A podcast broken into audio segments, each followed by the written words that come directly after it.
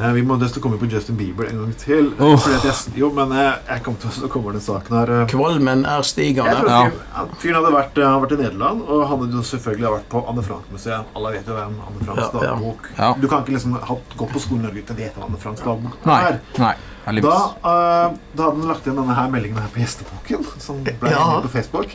Virkelig inspirerende å få muligheten til å komme hit. Anne var en flott jente. Forhåpentligvis ville hun vært en belieber. Det her var spøk, men eh, Nei, nå måtte jeg spy, altså. Det var Beklager. dårlig. Ja. Og, og, og det verste av alt var at eh, Hordaland Unge Venstre sin eh, store koryfé og kommende profet Mathias Fischer går ut med omtrent samme uttalelse på Venstre sitt landsmøte, så vi gratulerer han bare med 11-årsdagen og god bedring. Hva er det Mathias Fischer har sagt på Venstres landsmøte som ligner på dette her? Ja. Hva? Han satt også ligner på dette her?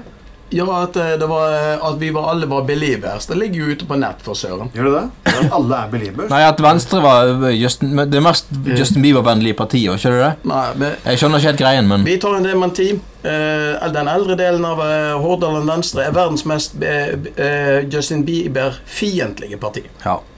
Og vi kanskje bør øke grensen for Unge Venstre til å slippe medlemmer Ikke slippe medlemmer under ti år.